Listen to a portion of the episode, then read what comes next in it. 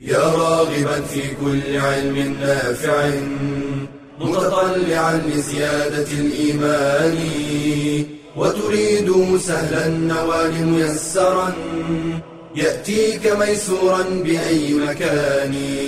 زاد زاد أكاديمية ينبوعها صاف صاف ليروي غلة الظمآن. وتعلم اللغة الفصيحة ورعاها بطريف أسلوب وحسن بيان. بشرى لنا زاد أكاديمية للعلم كالأزهار في البستان. بسم الله الرحمن الرحيم. الحمد لله رب العالمين والصلاة والسلام على أشرف الأنبياء والمرسلين سيدنا محمد وعلى آله وصحبه أجمعين. مرحبا بكم أيها الإخوة والأخوات في هذا الدرس الثالث والعشرين من دروس اللغة العربية في أكاديمية زاد العلمية في الفصل الرابع. درسنا سيكون عن أسلوب من أساليب الكلام وأسلوب هذا الأسلوب له علاقة بالدرس السابق وهو جزم الفعل المضارع. جزم الفعل المضارع هناك ارتباط بينه وبين هذا الأسلوب الذي سنتحدث عنه. هذا الأسلوب الذي نتحدث عنه هو أسلوب الشرط أسلوب الشرط. ومعنى الشرط أن آه، يربط بين حدثين أو بين فعلين يتوقف الثاني منهما على الأول. في ارتباط بين الحدثين بين الفعلين. آه، لا يحصل الثاني إلا إذا حصل الأول ففيه شرط. ما مثاله؟ مثاله حينما نقول مثلا من يجتهد ينجح. من يجتهد ينجح. فعندنا حدثان الاجتهاد والنجاح. لكن الثاني هذا النجاح متوقف على الأول. لا يحصل إلا إذا حصل الأول. ومعنى ذلك أن الذي لا يجتهد لا ينجح. قال الله عز وجل ومن يؤمن بالله يهدي قلبه ومن يؤمن بالله يهدي قلبه. فعندنا الهداية متوقفة على الإيمان.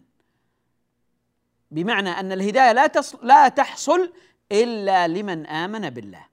فهنا ارتباط بين الإيمان وبين الهداية لكن الهداية متوقفة على آه الإيمان. فإذا الشرط أسلوب الشرط هو عبارة عن حدثين فعلين آه يرتبطان آه ببعضهما. يتوقف الثاني على الأول. هذا الأسلوب أسلوب الشرط أسلوب الشرط. أسلوب سائغ وكثير وشائع في العربية. كغيره من الأساليب يحتاج المتكلم أن يذكر مثل هذا الأسلوب في حينه وفي وقته وحينما يحتاج إليه. كما أنه يستخدم أسلوب الاستفهام وأسلوب النفي وأسلوب التحذير. هنا يستخدم أسلوب الشرط حينما يحتاج إلى هذا الشرط. ماذا يقصد بالشرط؟ وما هي الأدوات التي تستعمل في أسلوب الشرط؟ وما هو المترتب على هذا الأسلوب؟ هذا ما سنتحدث عنه في هذا الدرس وذلك يكون في اللوحة التعليمية. اذا درسنا سيكون عن أسلوب الشرط أسلوب الشرط وأدواته. قالوا الشرط هو الربط بين حدثين يتوقف الثاني على الأول منهما. ربط بين حدثين ربط بين حدثين الثاني يتوقف على الأول منهما. إذا حصل الأول يحصل الثاني يحصل الثاني. إن تدرس جيدا تنجح في الامتحان. إن تدرس جيدا تنجح في الامتحان. اذا عندنا تدرس جيدا هذا الحدث الأول وتنجح الحدث الثاني وجاء هذا هذه الأداة التي هي إن ربطت بين هذا وهذا والثاني الثاني يتوقف على الأول. ما يحصل النجاح إلا إذا حصلت الدراسة الجيدة. فإذا هذا أسلوب الشرط. ربط بين حدثين الثاني يتوقف على الأول منهما. من الأمثلة قال الله عز وجل إن تقرضوا الله قرضا حسنا يضاعفه لكم. إن تقرضوا الله قرضا حسنا يضاعفه لكم. هنا مضاعفة الأجر هي مترتبة على آه، يعني آه، إقراض الله قرضا حسنا. إن تقرضوا الله قرضا حسنا. أن تتصدقوا. إن تتصدقوا يضاعف الله لكم الأجر. ومن يؤمن بالله يهدي قلبه. وهذا ما أشرنا إليه ومن يؤمن بالله يهدي قلبه. عندنا يؤمن الحدث الأول الفعل الأول ويهدي قلبه الحدث الثاني والثاني مترتب على الأول. من يشفع شفاعة حسنة يكن له نصيب منها. من يشفع شفاعة حسنة يكن له نصيب منها. إذا عندنا حدثا عندنا حدثان آه، يشفع ويكن الثاني مرتبط بالأول ومتوقف عليه. فلا يحصل له النصيب إلا إذا شفع الشفاعة الحسنة. وما تنفقوا من خير يوفى إليكم. وما تنفقوا من خير يوفى إليكم. فهنا آه، إيفاء الأجر والخير هو مترتب على الإنفاق مترتب على الإنفاق متوقف على الإنفاق. أينما تكونوا يأتي بكم الله جميعا. أينما تكونوا يأتي بكم الله جميعا. إذا الشرط هو ربط بين حدثين يتوقف الثاني على الأول منهما. لو لاحظنا في هذه الأمثلة نجد أن الحدث الأول والحدث الثاني جاء بصيغة الفعل المضارع. بصيغة الفعل المضارع. ونجد أيضا أن الأول مجزوم والثاني مجزوم. تدرس تنجح. مجزوم وهنا مجزوم. هنا مجزوم علامة جزمه السكون وهنا مجزوم علامة جزمه السكون. وهنا يأتي تأتي العلاقة بالدرس السابق وهو الحديث عن عن ماذا؟ عن جزم الفعل المضارع. فالفعل المضارع إذا وقع فعلا للشرط أو جوابا للشرط فإنه يجزم. في هذه مع هذه الأدوات التي تجزم فعلين. إذا أدوات الشرط أدوات الشرط آه كما سيأتي نوعان. نوع يجزم الفعلين. إذا عندنا نحن عندنا حدثان الحدث الأول والحدث الثاني. فإذا كان الحدث الأول عبارة عن فعل مضارع والثاني فعل فعل مضارع أيضا ماذا نسمي الأول؟ نسمي الأول فعل الشرط. فعل الشرط. والثاني جواب الشرط. الأول فعل الشرط والثاني جواب الشرط. هنا الفعل المضارع جاء فعل الشرط وجواب الشرط في الأدوات التي تجزم فعلين. وإذا كنتم تذكرون في الدرس الماضي فإننا قلنا إن أدوات الجزم نوعان. أدوات الجزم نوعان. النوع الأول ما يجزم فعلا واحدا. وقلنا لم ولما ولام الأمر ولا الناهية. هذه أدوات تجزم فعلا واحدا. واليوم نقول لكم إن هذه الأدوات تجزم فعلين تجزم فعلين. الأول يسمى فعل الشرط والثاني يسمى جواب الشرط. والثاني يسمى جواب الشرط. اذا آه آه هذه الأدوات أدوات الشرط الجازمة أدوات الشرط الجازمة تجزم فعلين. الأول جواب فعل الشرط والثاني جواب الشرط. خلاصة آه هذا الكلام وهذه الشريحة أننا أيها الإخوة والأخوات عندنا في أدوات الجزم نوعان.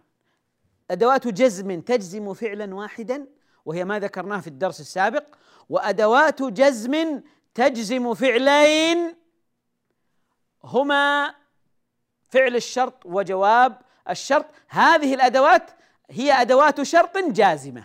أدوات شرط جازمة. هي معناها تفيد الشرط وعملها آه، أنها تجزم فعلين تجزم فعلين. وهذه هي العلاقة بالدرس آه، آه، السابق. السؤال الآن أدوات الشرط هل أدوات الشرط كلها تجزم؟ الجواب سيكون إن شاء الله بعد الفاصل.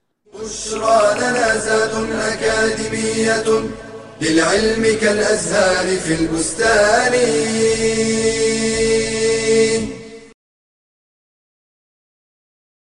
أمر الله إبراهيم عليه السلام أن يرفع قواعد البيت الحرام وينادي في الناس بالحج. فصار هذا المكان مباركا وهدى للعالمين. إليه تشتاق نفوسهم وتهفو أفئدتهم. وفي العام التاسع للهجرة نزلت على النبي صلى الله عليه وسلم آية محكمة توجب على الناس حج البيت من استطاع إليه سبيلا. ليصير الحج بذلك فريضة من فرائض الدين وركنا من أركان الإسلام. ولله على الناس حج البيت من استطاع إليه سبيلا. ومن كفر فإن الله غني عن العالمين.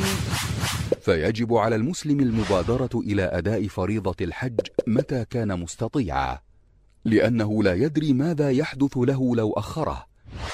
ففي الحديث عنه صلى الله عليه وسلم أنه قال تعجلوا إلى الحج يعني الفريضة فإن أحدكم لا يدري ما يعرض له. وعلى من عزم على أداء هذه الفريضة العظيمة الاستعداد لها بالتوبة النصوح وإخلاص النية لله وحده فيبتغي بذلك وجه الله والدار الآخرة وليتحلل من الحقوق والديون والودائع التي لديه وليوصي أهله بتقوى الله وليكتب وصيته إذا كان له ما يوصي به من حقوق وغيرها. وليعد النفقة من المال الحلال وليتحرى الرفقة الصالحة وليتعلم فقه الحج وصفته وليتزود من كتب أهل العلم في ذلك. قال رسول الله صلى الله عليه وسلم العمرة إلى العمرة كفارة لما بينهما والحج المبرور ليس له جزاء إلا الجنة. بشرى لنا زاد أكاديمية للعلم كالأزهار في البستان. بسم الله الرحمن الرحيم. نعود أيها الإخوة ونواصل الحديث عن أدوات الشرط. قبل أن نواصل أريد أن أؤكد على أمر مهم. عندنا أدوات جزم تجزم الفعل المضارع وعندنا أدوات شرط. هذا شيء وهذا شيء. أدوات الجزم الجوازم التي تجزم الفعل المضارع نوعان. أدوات تجزم فعلا واحدا وهي الأدوات التي ذكرناها في الدرس السابق وهي لم ولما ولام الأمر ولا الناهية. هذه أدوات تجزم فعلا واحدا. وعندنا أدوات جزم تجزم فعلين. أدوات جزم تجزم فعلين. هي أدوات الشرط الجازمة. أدوات الشرط الجازمة. فهي تجزم فعلين وهي أيضا أدوات شرط. هي أدوات شرط لأن معناها يفيد الشرط. آه، وهي تربط بين فعلين. وتجزم آه، فعل الشرط وجواب الشرط. أما أدوات الشرط لما نتكلم عن أدوات الشرط نقول إن أدوات إن أدوات الشرط تنقسم قسمين. أدوات شرط جازمة تجزم فعلين وأدوات شرط غير جازمة. أدوات شرط غير جازمة. اذا أقسام الشرط أو أقسام أدوات الشرط أقسام أدوات الشرط قسمين. قسمان. أدوات شرط جازمة وأدوات شرط غير جازمة. أدوات شرط جازمة وأدوات شرط غير جازمة.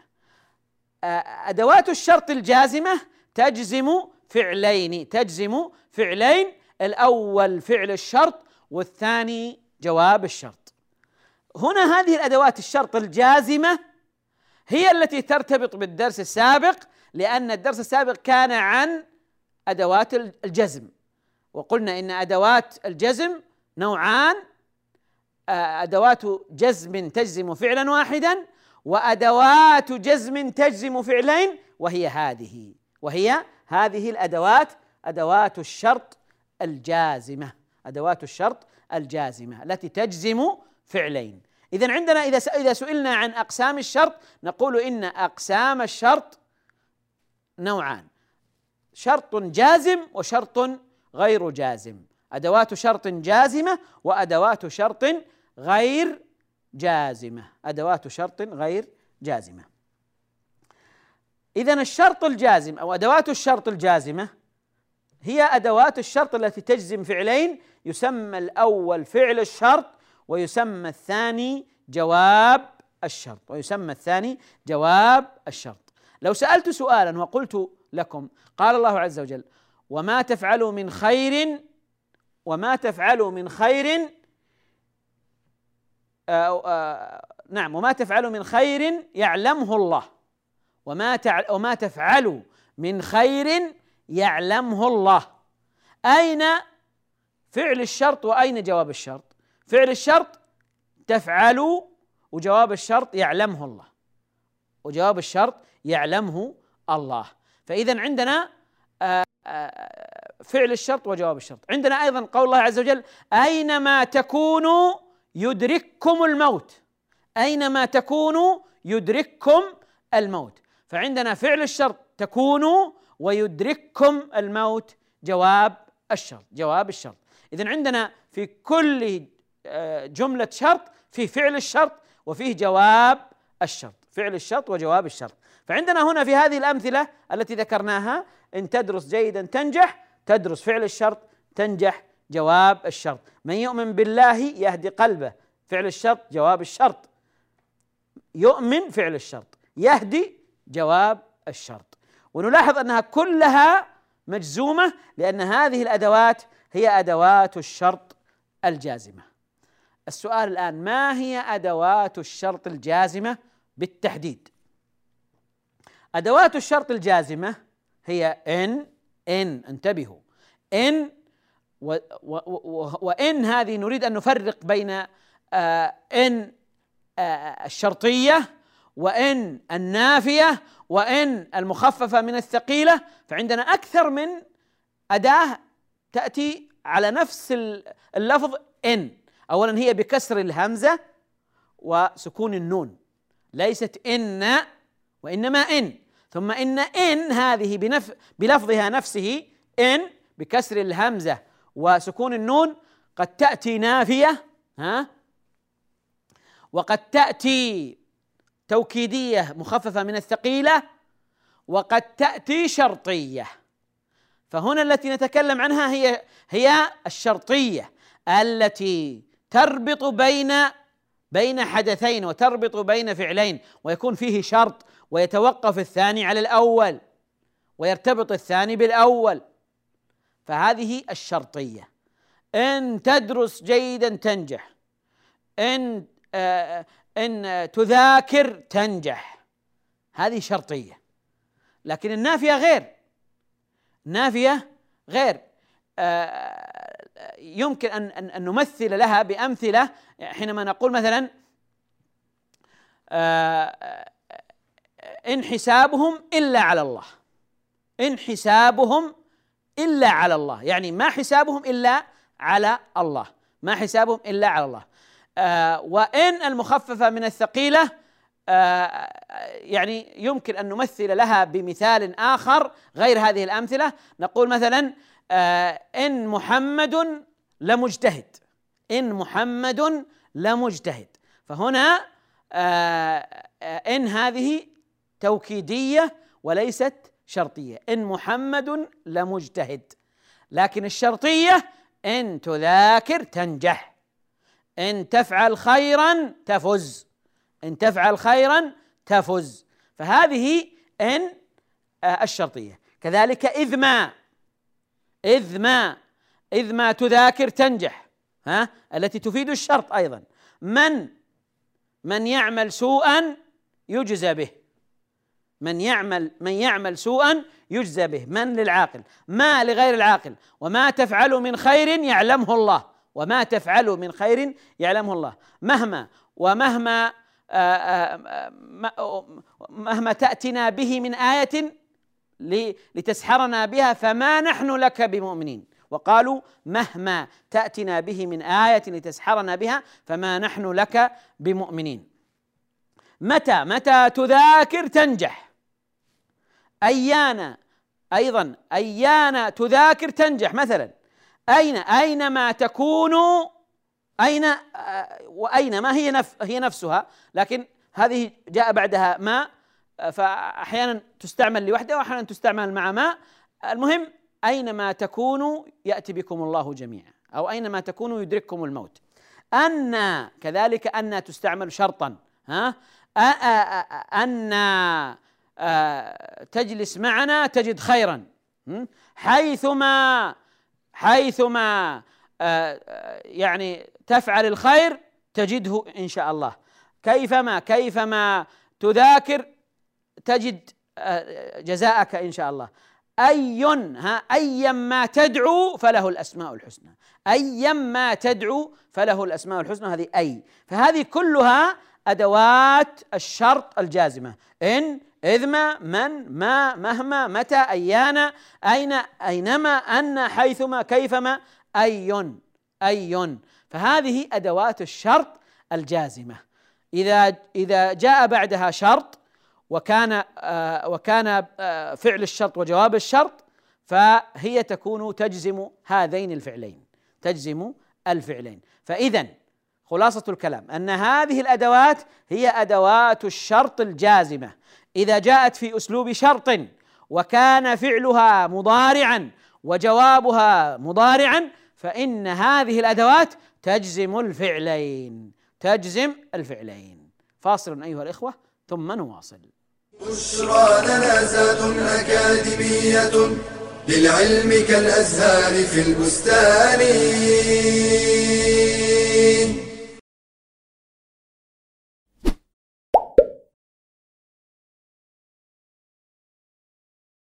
هل أنت حريص على رأس مالك؟ هل تحافظ عليه من الضياع؟ فرأس مالك الحقيقي هو الوقت. قال الحسن البصري ابن آدم إنما أنت أيام كلما ذهب يوم ذهب بعضك. ومن أهمية الوقت أقسم الله به في كتابه فقال والليل إذا يغشى والنهار إذا تجلى.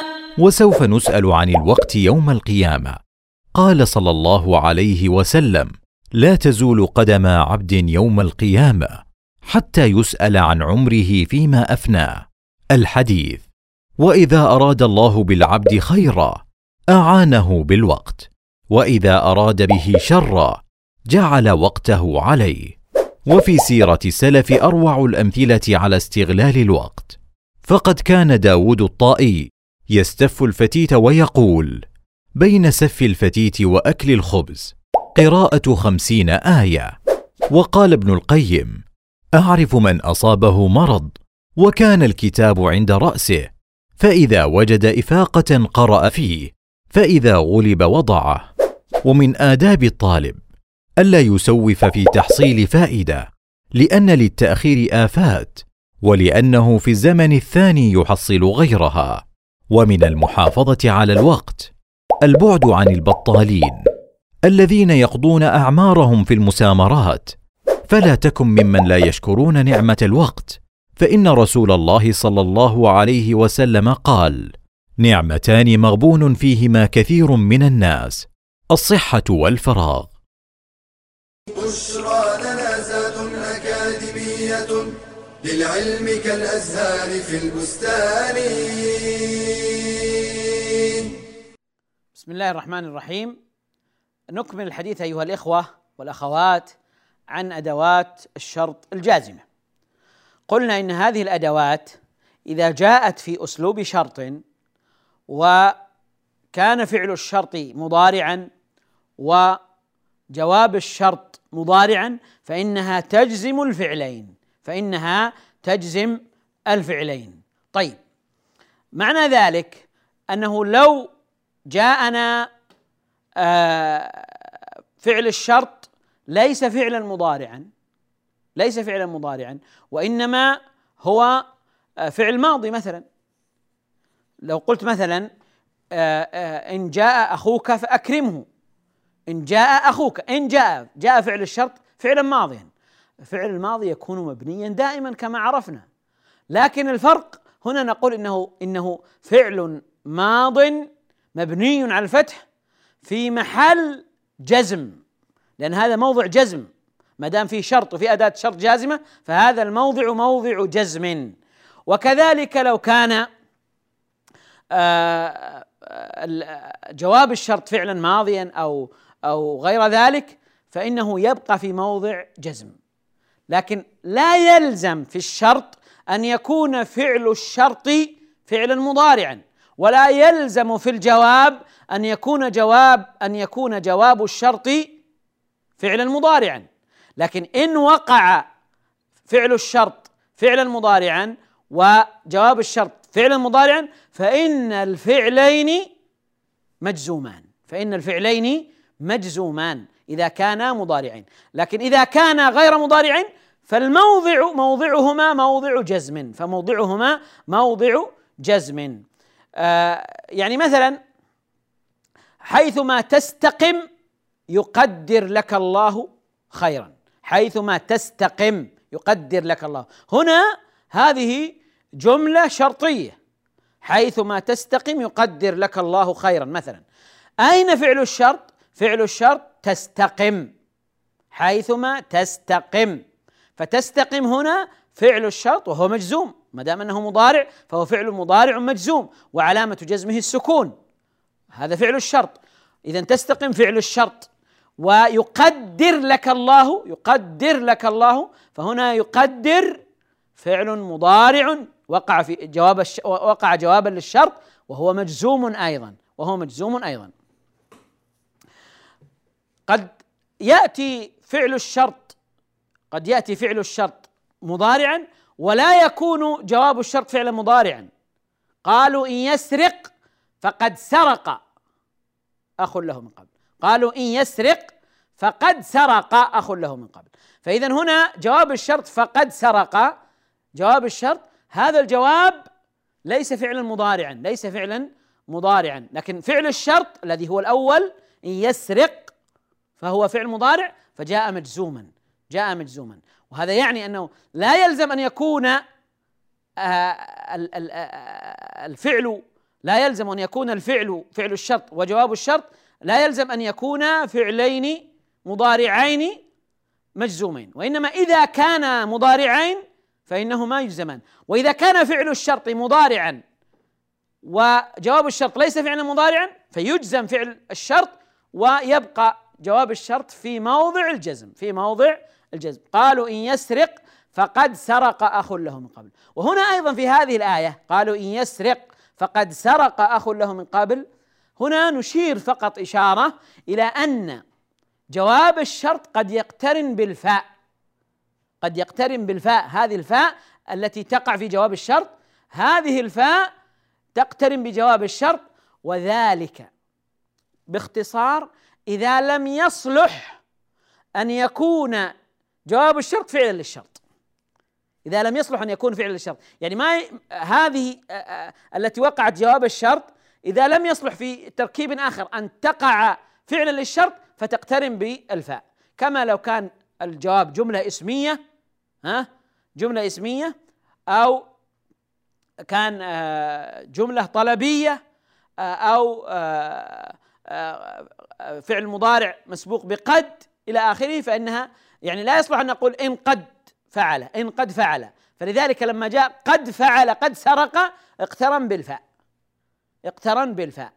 ومسألة اقتران الجواب بالفاء مسألة معروفة ومشهورة ومبثوثة في كتب آه، آه، النحو. من أراد أن يتوسع فيراجع كتب النحو. لكن نحن نقول إن هذه الأدوات أدوات الشرط الجازمة إذا جاءت في أسلوب شرط وكان الفعل فعل وكان فعل الشرط مضارعا فإنه يجزم وجواب الشرط مضارعا فإنه يجزم إذا لم يكن مضارعا فإنه يكون في موضع جزم يكون في موضع جزم. طيب. إذا تجزم هذه الأدوات فعلين ويسمى الأول فعل الشرط ويسمى الثاني جواب الشرط. نحو وما تفعلوا من خير يعلمه الله.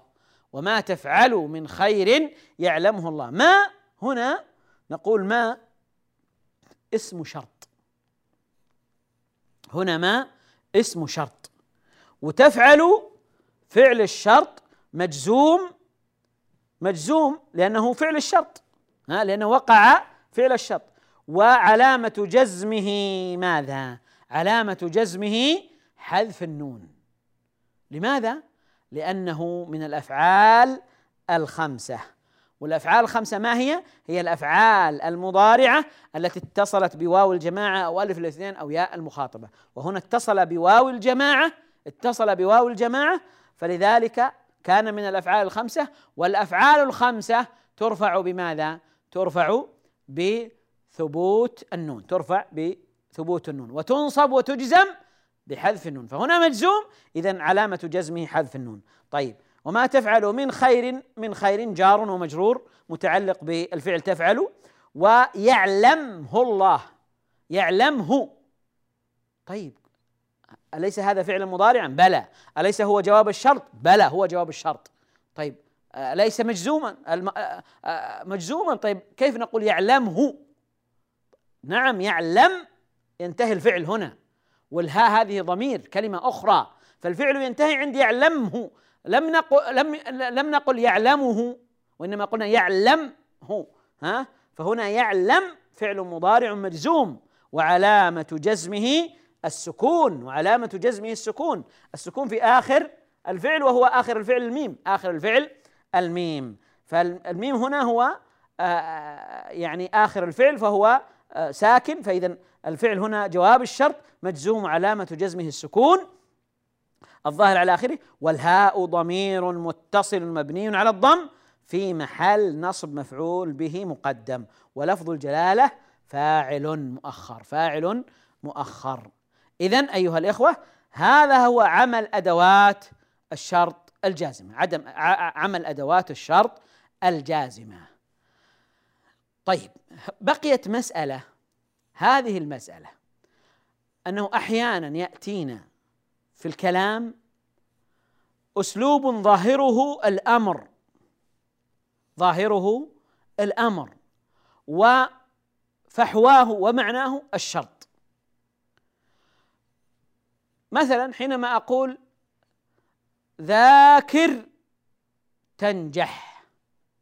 ذاكر تنجح. الآن ذاكر فعل أمر. ذاكر أدرس فعل أمر. طيب وتنجح. تنجح هذا فعل مضارع. فعل مضارع. طيب هل هذا أسلوب شرط؟ هذا أسلوب شرط؟ ليس أسلوب شرط في ظاهره ليس أسلوب شرط. لأنه فعل أمر وهناك فعل مضارع. فعل مضارع. ذاكر تنجح. هذا يسمى الفعل الامر أسلوب طلب. وتنجح فعل مضارع. هنا الفعل المضارع جاء في جواب الطلب. جاء في جواب الطلب. لكن المعنى كأنك تقول ان تذاكر تنجح. ان تذاكر تنجح. ذاكر تنجح كأنك تقول ان تذاكر تنجح. اذا قد يجزم الفعل المضارع إذا وقع جوابا للطلب.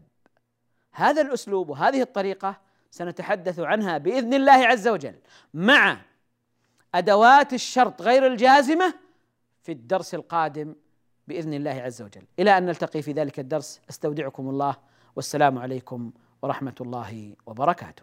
يا راغبا في كل علم نافع متطلعا لزيادة الإيمان وتريد سهلا النوال ميسرا يأتيك ميسورا بأي مكان. زاد زاد أكاديمية ينبوعها صاف صاف ليروي غلة الظمآن وتعلم اللغة الفصيحة ورعاها بطريف أسلوب وحسن بيان. بشرى لنا زاد أكاديمية للعلم كالأزهار في البستان.